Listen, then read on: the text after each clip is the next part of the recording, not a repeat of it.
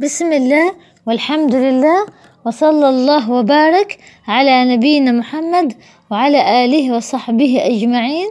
مجلسنا اليوم الحديث السابع والأربعون عن المقدام بن معد يكرب قال سمعت رسول الله صلى الله عليه وسلم يقول ما ملأ آدمي وعاء شرا من بطن بحسب ابن آدم أكلات يقمن صلبة فإن كان لا محالة فثلث لطعامه وثلث لشرابه وثلث لنفسه.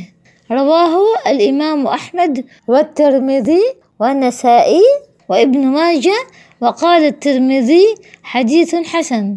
هذا الحديث أصل جامع لأصول الطب كلها وقد روي أن ابن ماسويه الطبيب لما قرأ هذا الحديث قال لو استعمل الناس هذه الكلمات سلموا من الأمراض والأسقام ولتعطلت المستشفيات ودكاكين الصيادلة لأن أصل كل داء التخمة وقد ندب النبي صلى الله عليه وسلم إلى التقلل من الأكل في هذا الحديث وذكر أن اللقيمات تكفي لحاجة الجسم فلا تسقط قوته ولا تضعف معها فإن تجاوزها فليأكل في ثلث بطنه ويدع الثلث الآخر للماء والثالث للنفس.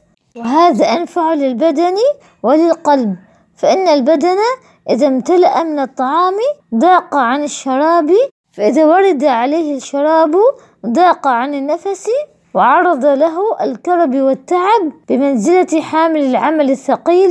هذا إلى ما يلزم ذلك من فساد القلب وكسر الجوارح عن الطاعات وتحركها في الشهوات التي يستلزمها الشبع. ويلاحظ هذا جيدا في رمضان فإن من يكثر من تناول الطعام في فطوره فإن صلاة العشاء والتراويح تصبح ثقيلة عليه.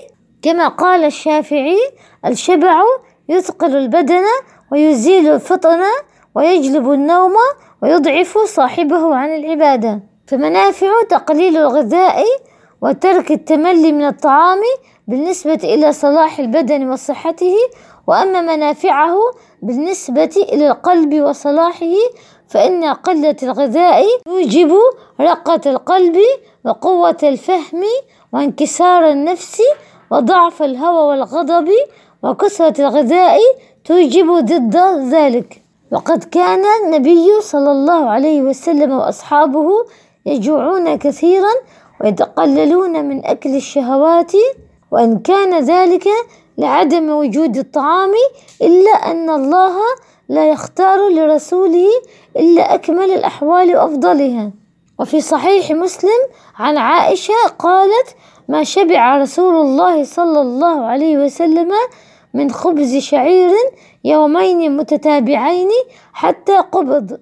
هذا الحديث فيه تعويد على الصبر والتحمل والانتصار على النفس الشهوانية ولذلك يسمى رمضان شهر الصبر. هذا وصلى الله وبارك على نبينا محمد وعلى آله وصحبه أجمعين.